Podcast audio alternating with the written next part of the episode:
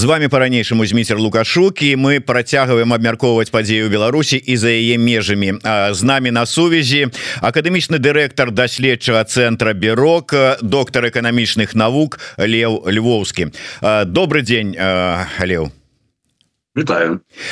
Леў я бы хотел з вами как бы для пачатку Ну как бы як працягам нашага з нашай з вами размовы зрабіць дакладней в нашу з вами размову зрабіць працягам размовы с Миколаем халезіным з якім у нас быў эфир Вось буквально толькі что з-за гэтага что там троху зацягнули мы троху і спазніліся не распачалі своечасова з вами размову. Але мы там закранули тэму санкцый их халезін вельмі скіп скептычна паставіўся да а, тых санкцый іх узроўню іх выкананню і ўсяго астатняга што з гэтым звязана найперш з боку Еўросаюза Маўляў Еўросаюз абсалютна ну нікчэмныя санкцыі увёў больш затое ніякім чынам не кантралюе іх выкананне. Ну і фактычна краіны Еўросаюза не адмовіліся ад гандлю с Росіяй і атрымліваюць усе тыя ж самые ну найперш там газ нафту і все астатніе праз іншыя шляхі іншымі маршрутамі даўжэй даражэй але ўсё фактычна і захавалася.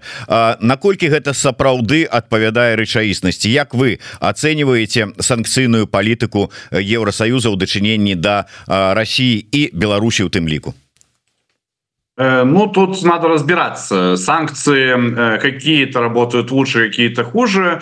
Э, где-то, я думаю, предыдущий спикер прав. Тут главный вопрос, наверное, что мы имеем в сумме.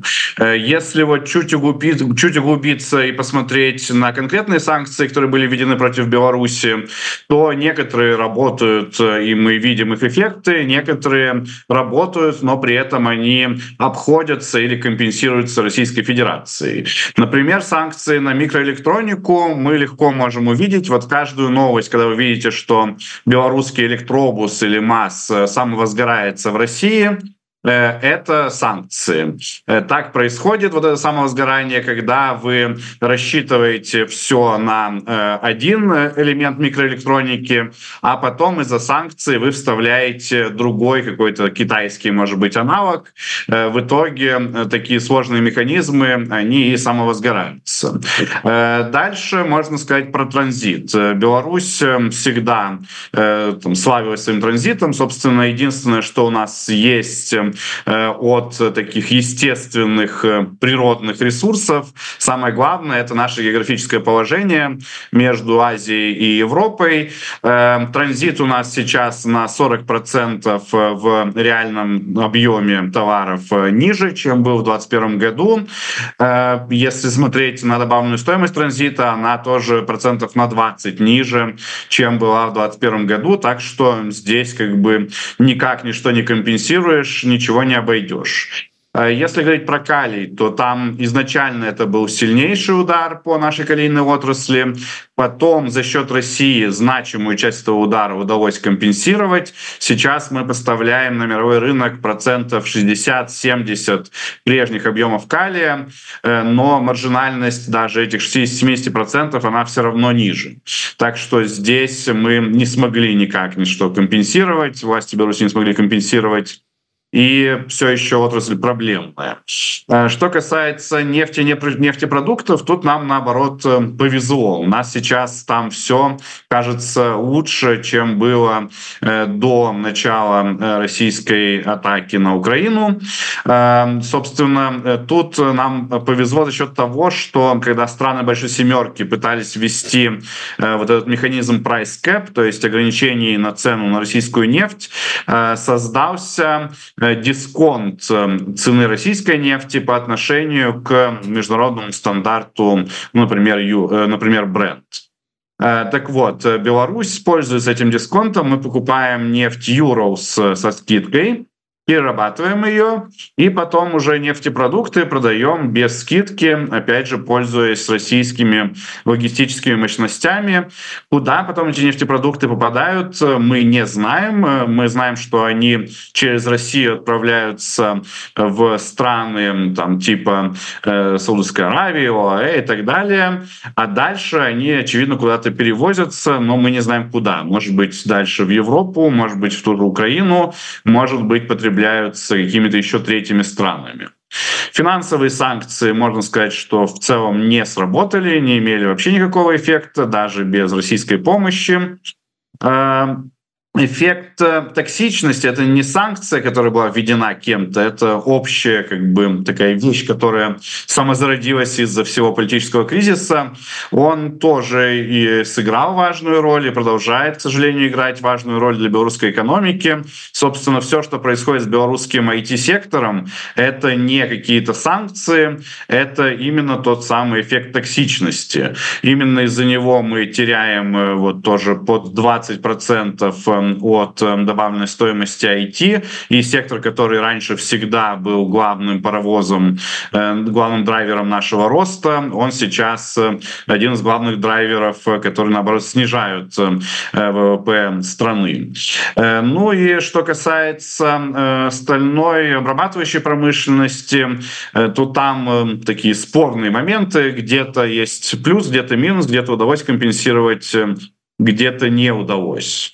Э, вот. Можно обсудить, как бы, почему, э, где санкции работают и почему некоторые санкции не работают. Ну, первая э, часть санкций не сработала из-за больших лагов в их, и в их имплементации.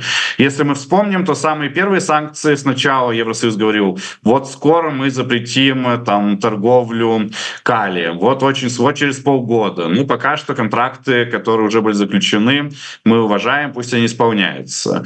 Когда происходит, когда такой большой лаг между заявлением о санкции и ее имплементацией, то, конечно, э, правительство санкционирует контролируемая сторона, она успевает как-то подготовиться, э, перенаправить часть грузов, э, найти новых клиентов или новые схемы обхода.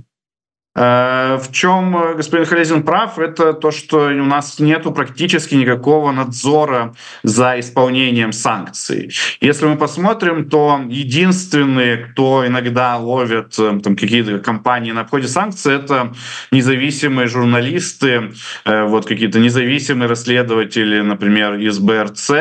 Но это недостаточно серьезно, то есть при всем уважении к работе коллег, но это все недостаточно серьезно, у них недостаточно ресурсов. Э, э, анализировать э, серьезный обход санкций должны какие-то а, аналитики, ну, таких чуть ли не разведывательных структур.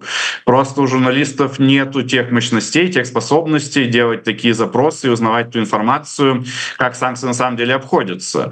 Особенно это важно, например, при обходе, ну, так скажем, военных санкций. Э, мы видели, вот несколько раз журналисты ловили, например, э, финские компании, латвийские компании, которые поставляли чипы для российских ракет или вообще боевые дроны, там, как в случае с финской компанией в Россию, э, поставляли они их чаще всего, то есть там эту партию везут в Китай легально на какую-то фирму-прокладку, эта фирма-прокладка передает другой фирме-прокладке еще 10 прокладок, и в итоге последняя везет этот товар в Россию.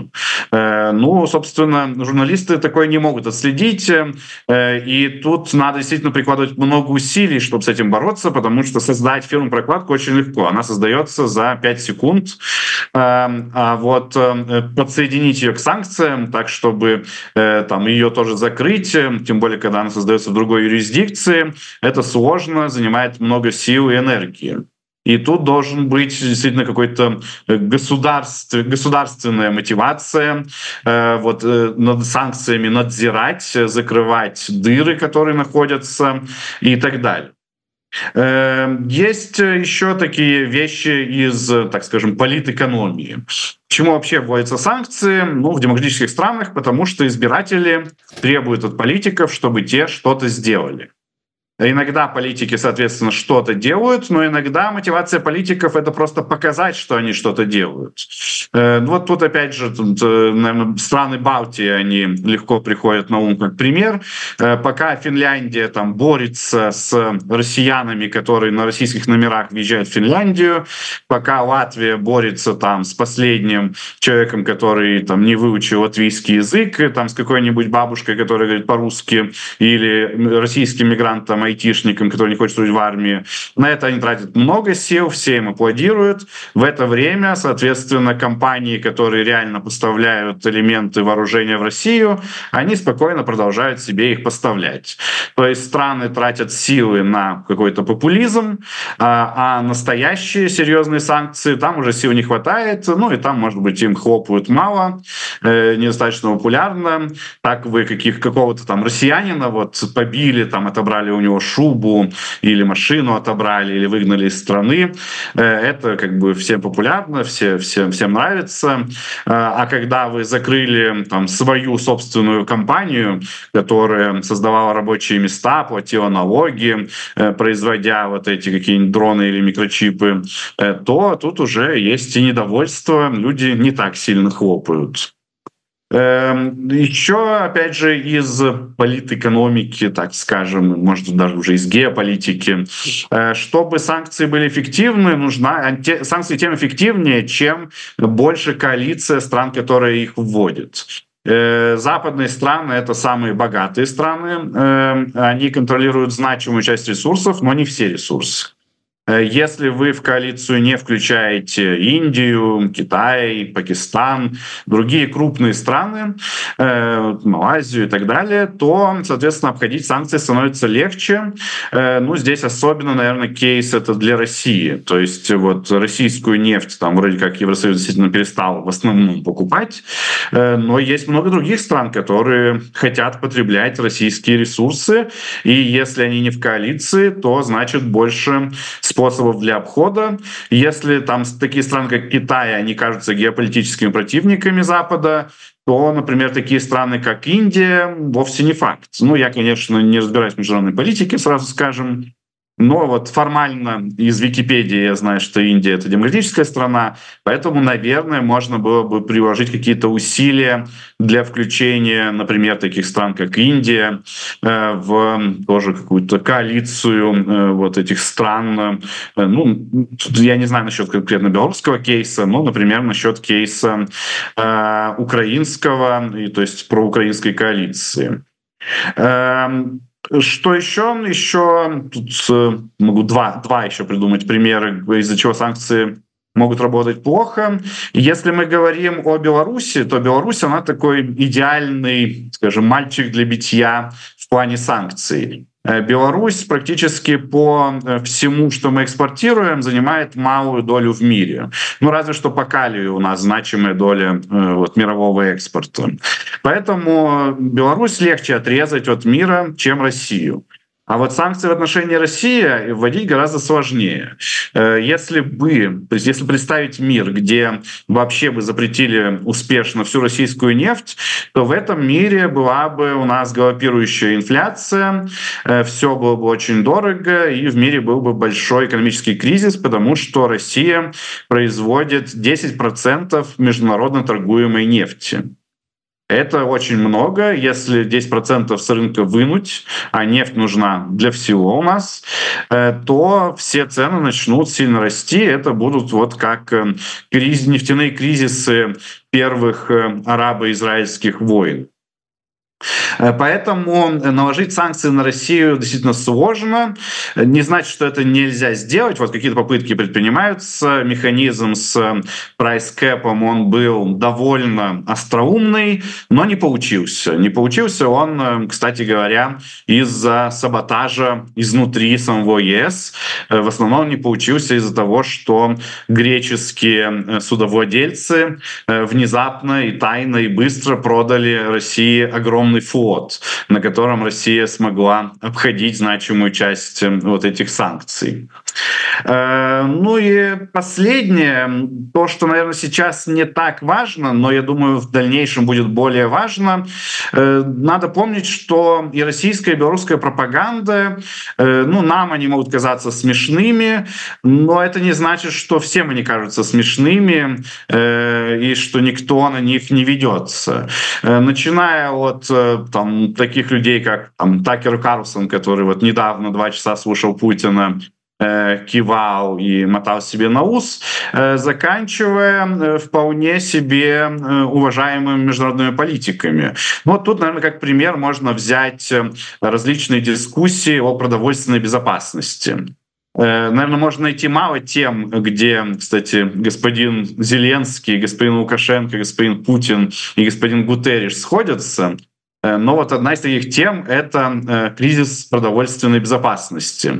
Зеленский рассказывает про это, Путин рассказывает про это, Лукашенко тоже всем рассказывает, что надо снять санкции с белорусского калия, потому что мир не может жить без белорусского калия, не хватит еды, в Африке все будут голодать.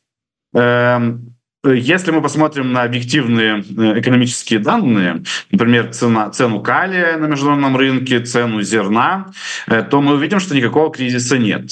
Ничто там не стоит в пять раз больше. Действительно, был такой острый момент, когда война началась, э, но сейчас все цены пришли в спокойствие. Никакого кризиса нет, но при этом это не значит, что вот эти слова там Лукашенко ни до кого не доходят. При этом буквально через месяц, там, после того, как изначально Александр Лукашенко Лукашенко озвучил эту тему, эту тему подобрал э, э, Антонио Гутерриш, э, то есть уже политик мирового уровня, и начал ее же развивать про то, что действительно, может быть, надо какие-то санкции ослабить, потому что вот там голодают страны Африки. Э, это не что иное, как вполне успешная пропаганда.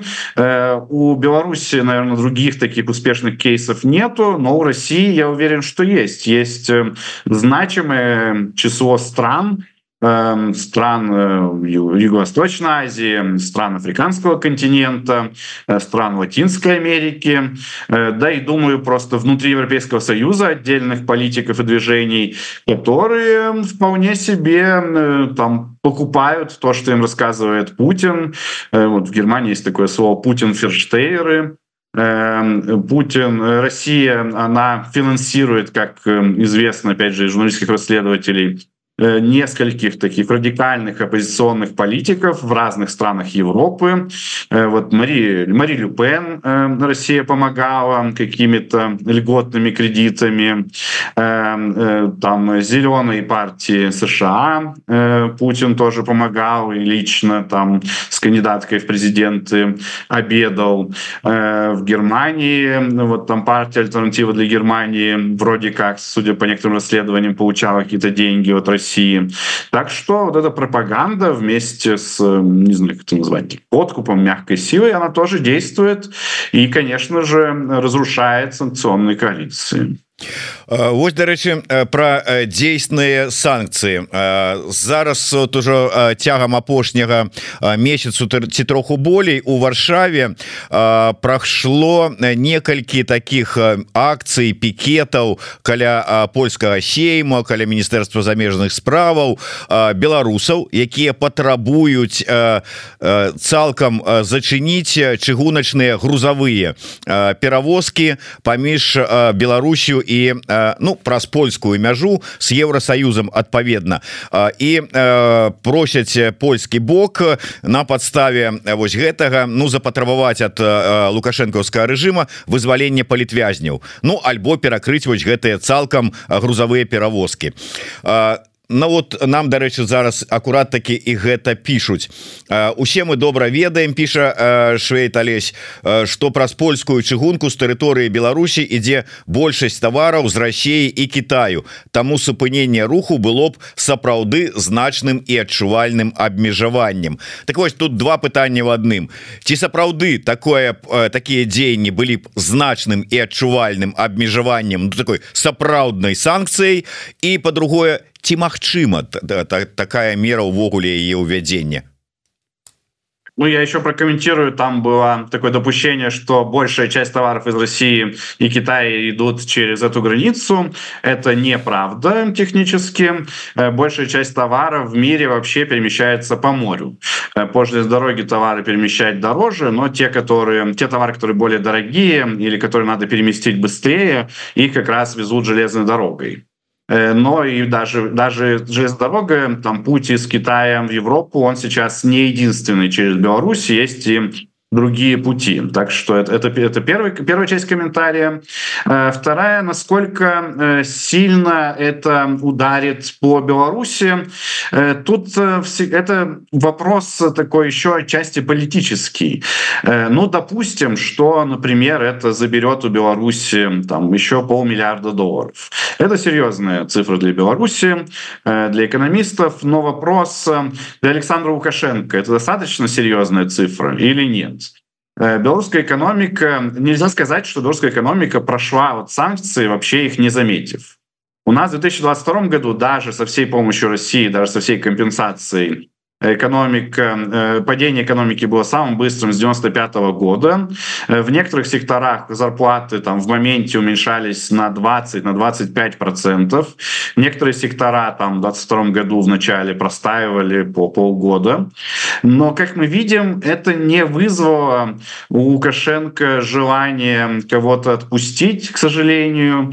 Это не вызвало каких-то народных протестов. То есть, э, вероятно, это вызвало недовольство у людей, но э, текущая система, где там, за любое вообще высказывание вас сразу бьют и сажают, ну, к сожалению, она, по всей видимости, работает. Тут, опять же, наверное, вопрос к каким-то социальным психологам, политологам, э, но пока что мы э, не видим э, вот такого результата. Это не значит, что тут, как предлагают некоторые, что если все санкции снять, то Лукашенко расслабится и начнет всех выпускать. К сожалению, Тут, как вот комментировал Павел Слюнкин, у нас не так много вообще каких-то рычагов, которые мы бы знали, что они повлияют на решение Александра Лукашенко. Экономика Беларуси изменилась, она стала более хрупкой, она стала гораздо более зависимой от России, чем была до войны. Но, как мы видим, э, там, вла- сохранение власти для Александра Лукашенко все еще гораздо важнее, э, чем э, ну, там, какие-нибудь 100 тысяч недовольных солигорских горняков. Тем более, что их всегда можно побить дубинками. Вот, поэтому, да, как бы будет ли это какой-то ощутимый удар? Ответ – да, будет ощутимый удар э, по экономике. Изменится ли из-за этого поведение Александра Лукашенко? Я вовсе не уверен. Э, пойдут ли на это польские власти? Ну, тут это уж совсем вопрос политический, политологический. Тут я совсем не знаю. Але э, прогучало тут э, такое э, даволі важное слово Китай из гэтай нагоды я хотел бы звярнуцца да вот тэмы Китая у тым сэнсе что зараз шмат размоваў про тое что китайскую эканоміку чакаюць не лепшыя часы заўсёды мы так казалі вот глядзіце курс беларускага рубля ён там туды-сюды тому что залежыць ад курса расійскага рубля А тут зараз чамусьці я пачуў і пачаліся размовы что курс-то беларускага рубля таксама будзе залежыць ад таго у якім стане эканоміка Китая ці сапраўды ёсць якая залежнасць наколькі яна сур'ёзная? Э, залежность есть, но она идет через Россию. То есть мы напрямую так от Китая не зависим. Э, ну, сейчас, опять же, мы там увеличили, наверное, наше торговое отношение с Китаем. Э, теперь большая часть, например, нашего калия идет в Китай. Но, тем не менее, главный, я думаю, передаточный механизм здесь Россия. Для России Китай — это вообще теперь самый главный, самый первый основной партнер. Поэтому от торгового, от торгового баланса с Китаем зависит зависит российский рубль, э, ну а мы уже тут э, зависим от, собственно, э, курса российского рубля. Таким чынам можна сказаць, что ну першапачаткова мы-то наўпрост можа быть от расійскага рубля але першапрычынай роста курсаў можна тады стаць эканоміка Китая дакладней курс юаня может стать. Эм, если говорить про Китай, то э, тут э, ну, там, многие действительно предрекают катастрофу Китая. Э, я, я бы сказал более аккуратно. Э, Китай, он столкнулся с тем же, с чем Беларусь, например, столкнулась эм, лет 10 назад. Э, Китай достиг потолка э, роста экстенсивного. Э, когда вы выбираетесь из бедности и до уровня среднего по миру дохода, можно расти без прав человека, без демократических институтов, а просто за счет накопления капитала. Этим Китай занимался последние годы. Э, напоминаю, что там еще в 90-е Китай был супер бедной страной.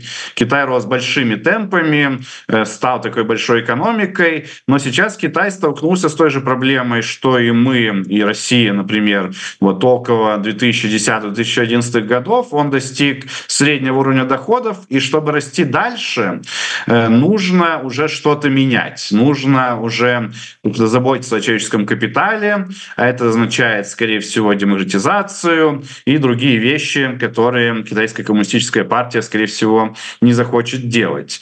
Эм, то есть, э, если мы отталкиваемся чисто от экономической теории, то Китай ждет не падения, а должна ждать ждать стагнации. Точно так же, как и мы не упали с 2011 года, мы просто перестали расти. Мы там до 2011 года росли там, на 7% с лишним в год в среднем, а после 2011 года у нас средние темпы роста вот 1% в год. Это как в Северной Корее.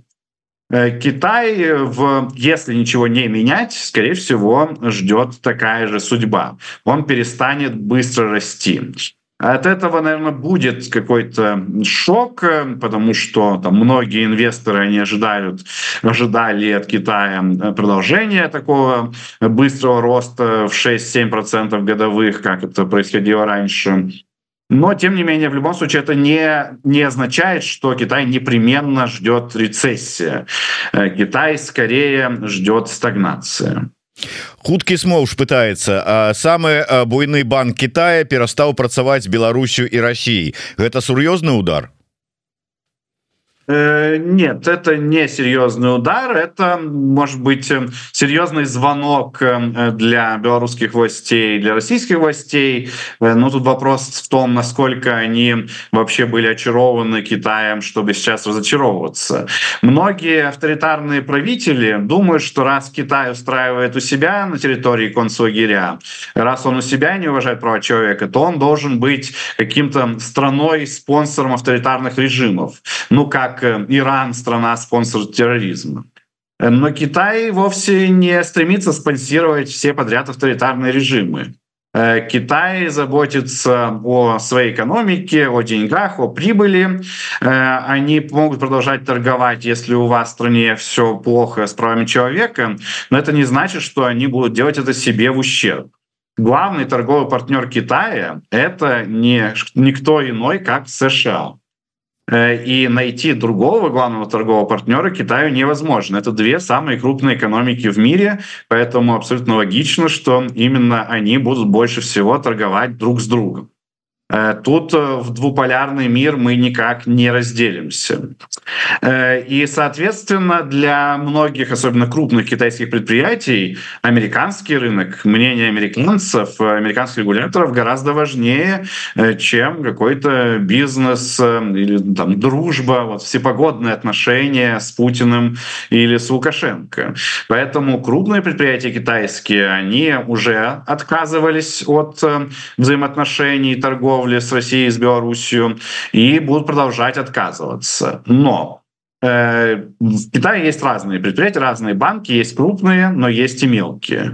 Э, крупный банк, конечно, у него, скорее всего, много контрактов там с Америкой, но я уверен, что там найдется с десяток мелких банков, которые на Америку не работают, которые выведены в какие-то отдельные юрлица, которые прекрасно на себя в итоге возьмут эти задачи э, обеспечения торговли между двумя странами. В итоге, ну, какой-то там будет небольшой большая неприятность для тех, кто вот прямо сейчас вез контейнеры в Китае или из Китая. Но я уверен, что найдется много более мелких банков. Ну, опять же, там издержки вырастут насколько-то, там транзакции будут более дорогими, но ничего смертельного не случится. Ну так тут еще трэба разумець что для кожнага разуменне того які крупныя які не крупны может быть розная потому что вот ёсць такі наколькі жарты але не зусім жарт. Китайцы мне казалі что у нас назва называется нейкая там город калі б там пачынаецца там от мільёна жыхароў а да мільёна это не город нават. Так нешта там нейкае такое. Вёска. Таму і на, на банкаў тут можа быть для нас там для Китая які-нибудь невялічкі банка для нас это будзе Вау там нейкія мільярды. Так, так.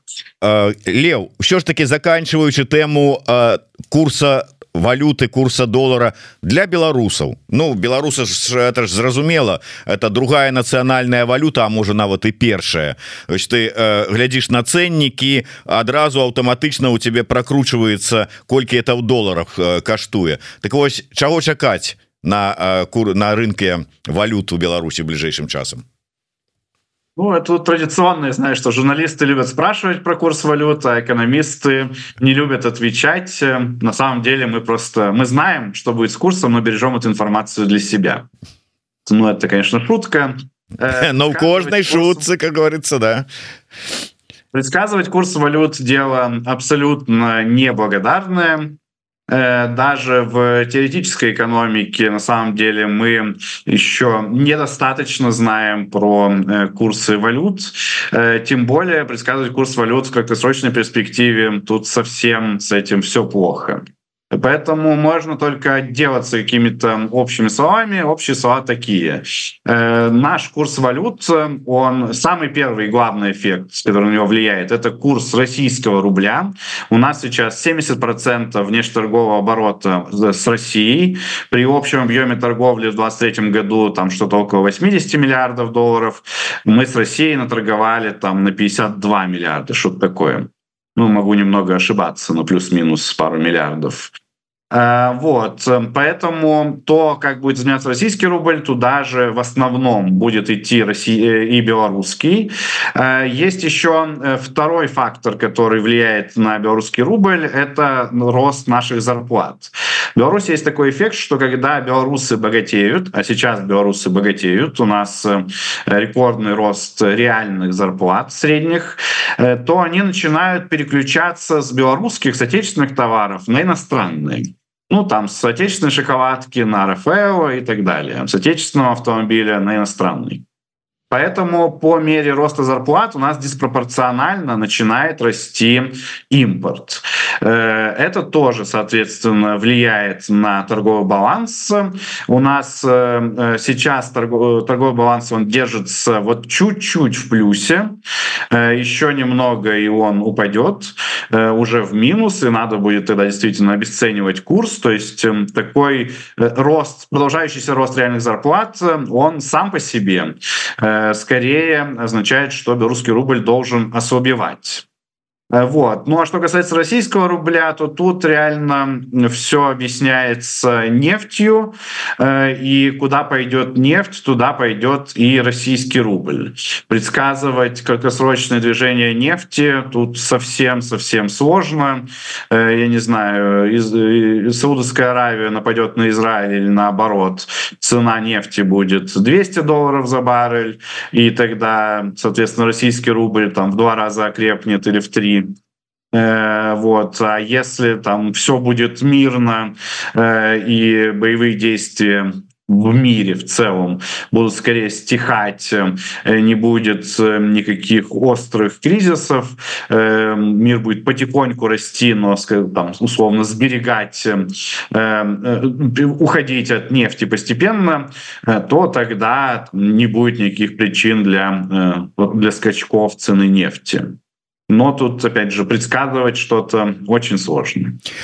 Может быть коротко еще вот пытание наконт ИП у Беларусі. Вот я бачу інфармацыю что у чарговы раз скарацілася колькасць IP Ну на фоне того что заробки растуць сувязі эканамічныя з Россией э, пашыраюцца паглыбляются і гэтак далей. Абаронных заказаў хапае.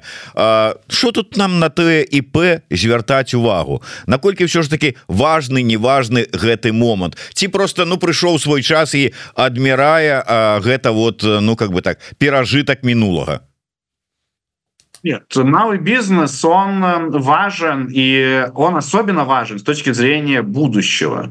Э, в каждый отдельный момент малый бизнес, э, ну, часто по-разному, но он часто, он, например, создает не такую большую долю всей добавленной стоимости.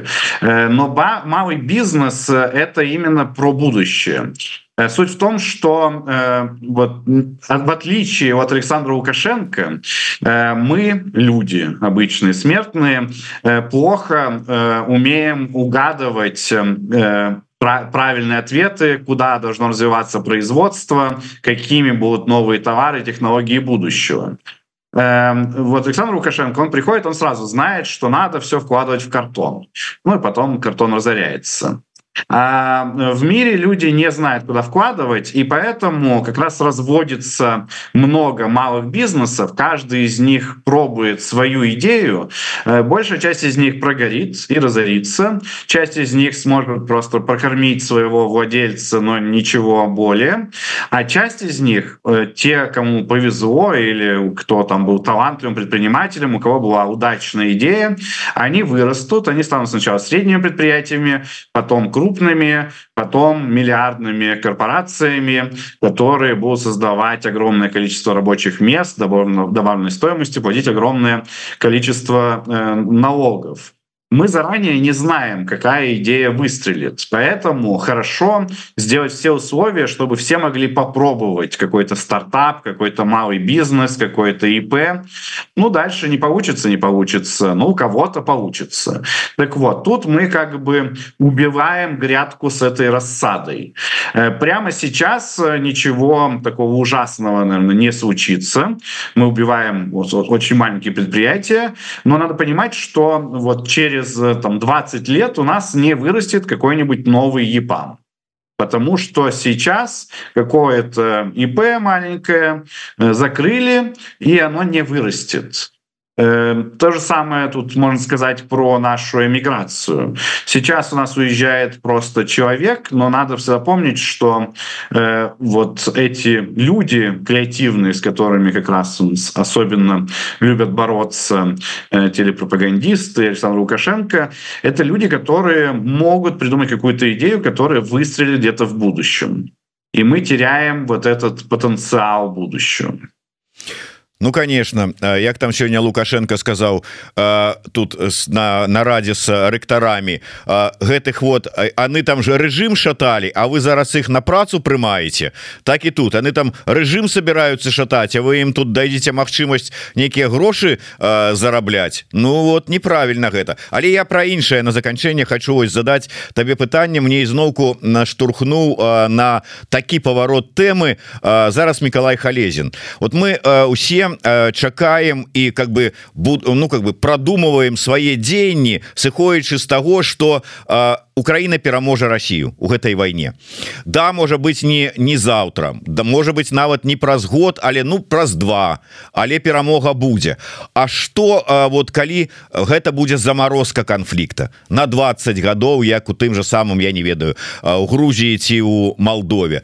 А калі там увогуле Путин пойдзе і нападзе на Еўросоюз там на краіны Балтыі ці на на Польшу там будзе сувалкаўскі коридор про пробіваць і вот ён кажа нам трэба продумывать что мы будем рабіць у гэтых ситуациях вот скажи ласка як экономіст чтоб ты параіў вот у гэтай ситуации? Про что задуматься? На что звярнуць сваю увагу? Что рабіць о, тема это очень сложная, очень тяжелая. Боюсь, что ответом тут будет э, как-то вспоминать э, скиллы, э, умения наших родителей, бабушек и дедушек, которые нам говорили, как правильно выращивать картошку.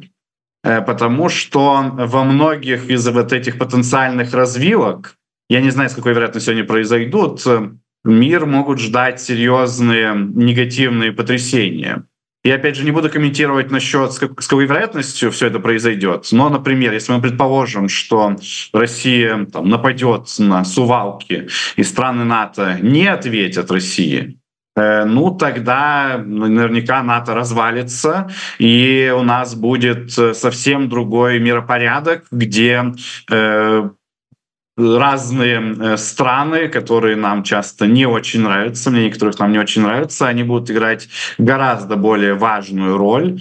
Э, это будет серьезный пересмотр мировой торговли, э, ну и вообще, как там работают, создаются наши межстрановые корпорации, как работает наш глобализованный мир. Глобализация — это довольно важно для всеобщего богатства. Э, если э, предположить, эм, что э, Россия нападет на сувалки и НАТО ответит, то это впервые в истории человечества война между двумя ядерными странами или коалициями. Э, мы не знаем, как происходит ядерная война. Можно себе представить, что как-то две стороны будут воевать, там, не знаю, НАТО с Россией, но не применять атомное оружие. Но я думаю, что это довольно сложно, когда ты воюешь, э, там, и у тебя есть серьезное оружие, какая-то пушка, ее не доставать из кармана. Как жить в случае э, атомной войны? Вам тут это это как бы мысли очень тяжелые и грустные. Опять же надо наверное, там уметь охотиться выращивать картофель. Э, я не думаю что после атомной войны будут нужны журналисты экономисты э, разработчики веб-сайтов э, и так далее. Нужны будут люди которые могут поймать кабана и его забить и те люди которые их охраняют Ну да э, вельмі сумное такое такі прогноз на завершэнне я хотел бы э, сказать звярнуцца до да, уже Россию як узгадывали про словы якія сказаў круты наконт того что у Э, зараз у выніку вось гэтых паглыбленні інтэграцыі там саюзнай дзяржавы і гэтых залежнасці эканамічнай ад Росіі Маўляў мантра пра страту суверэнітэта яна даўно састарэла. Нема гэта. Ёсць гэта ці нема сапраўды мантра состарелая гэта ці рэчаіснасць Ман, мантра может быть и состарела а вот потеря суверенитета она как кажется идет полным ходом. Э, мы видим что тут э, что бы не случилось в беларуси главный ответ правительства это надо лететь в россию и просить у старшего брата помощи будь то помощи логистической, будь то помощи там, с открытием рынка или с э, тем, чтобы нам как-то подсуживали в конкуренции с китайскими производителями или помощи в живых деньгах, или чтобы нам отсрочили э, выплату кредита, или чтобы газ был в три раза дешевле, чем в Европе. То есть у нас на любую проблему решение — это бежать в Россию и что-то просить. Э, Россия иногда нам что-то дает. Не каждый раз, когда мы просим, что-то дает, но тут надо заметить вот что. Э, мы никогда, нам никогда не озвучивают условия, под которые Россия нам дает какие-то новые преференции, делает отсрочки кредитов и так далее. То есть это вот как ситуация в стране, в семье, если мы представим, приходит муж домой и говорит, дорогая, я взял кредит на миллион долларов. Это хорошая новость или плохая? Ну, если этот кредит не надо будет возвращать, и он взят под 0% годовых, ну, это хорошая новость. Можно, наоборот, его инвестировать, получать деньги, потом банку отдать. Если муж там как гарантию под этот кредит заложил своих детей, почку, э, квартиру, а сам кредит взят под 45%, то это плохие новости. Так вот, нам Александр Лукашенко никогда не сообщает последние три года, под какие проценты и под какие условия мы берем те или иные кредиты в России или нам достаются те или иные поблажки. Эм, И это само по себе, я бы сказал, довольно тревожно. Наверняка, если бы нам Россия давала, например, там, кредиты под 1%, то э, этим можно было бы похвастаться, всем рассказать, э, и все бы похлопали и сказали, что Александр Лукашенко действительно молодец, так успешно доит Россию. Но Александр Лукашенко нам не рассказывает, какие условия берутся новые кредиты, и это не может не настораживать сапраўды нешта з усіх бакоў э, мало того что можна сказать пазітыўнымі навінамі. Что с халезіным что вот с львом львоўскім. Вот такие у нас сёння эксперты Ну але э, такое жыццё як кажуць. Дякую вялікі. Э, гэта подстава задуматься проаналізаваць і паспрабаваць распланаваць і продумать свае э, дзеянні. Дякую вялікім Леву львовскі змейцер лукашук. Слухайте глядзіце подписывайтеся расшарвайте жыве Беларусь. Жыве Дякую і до встречи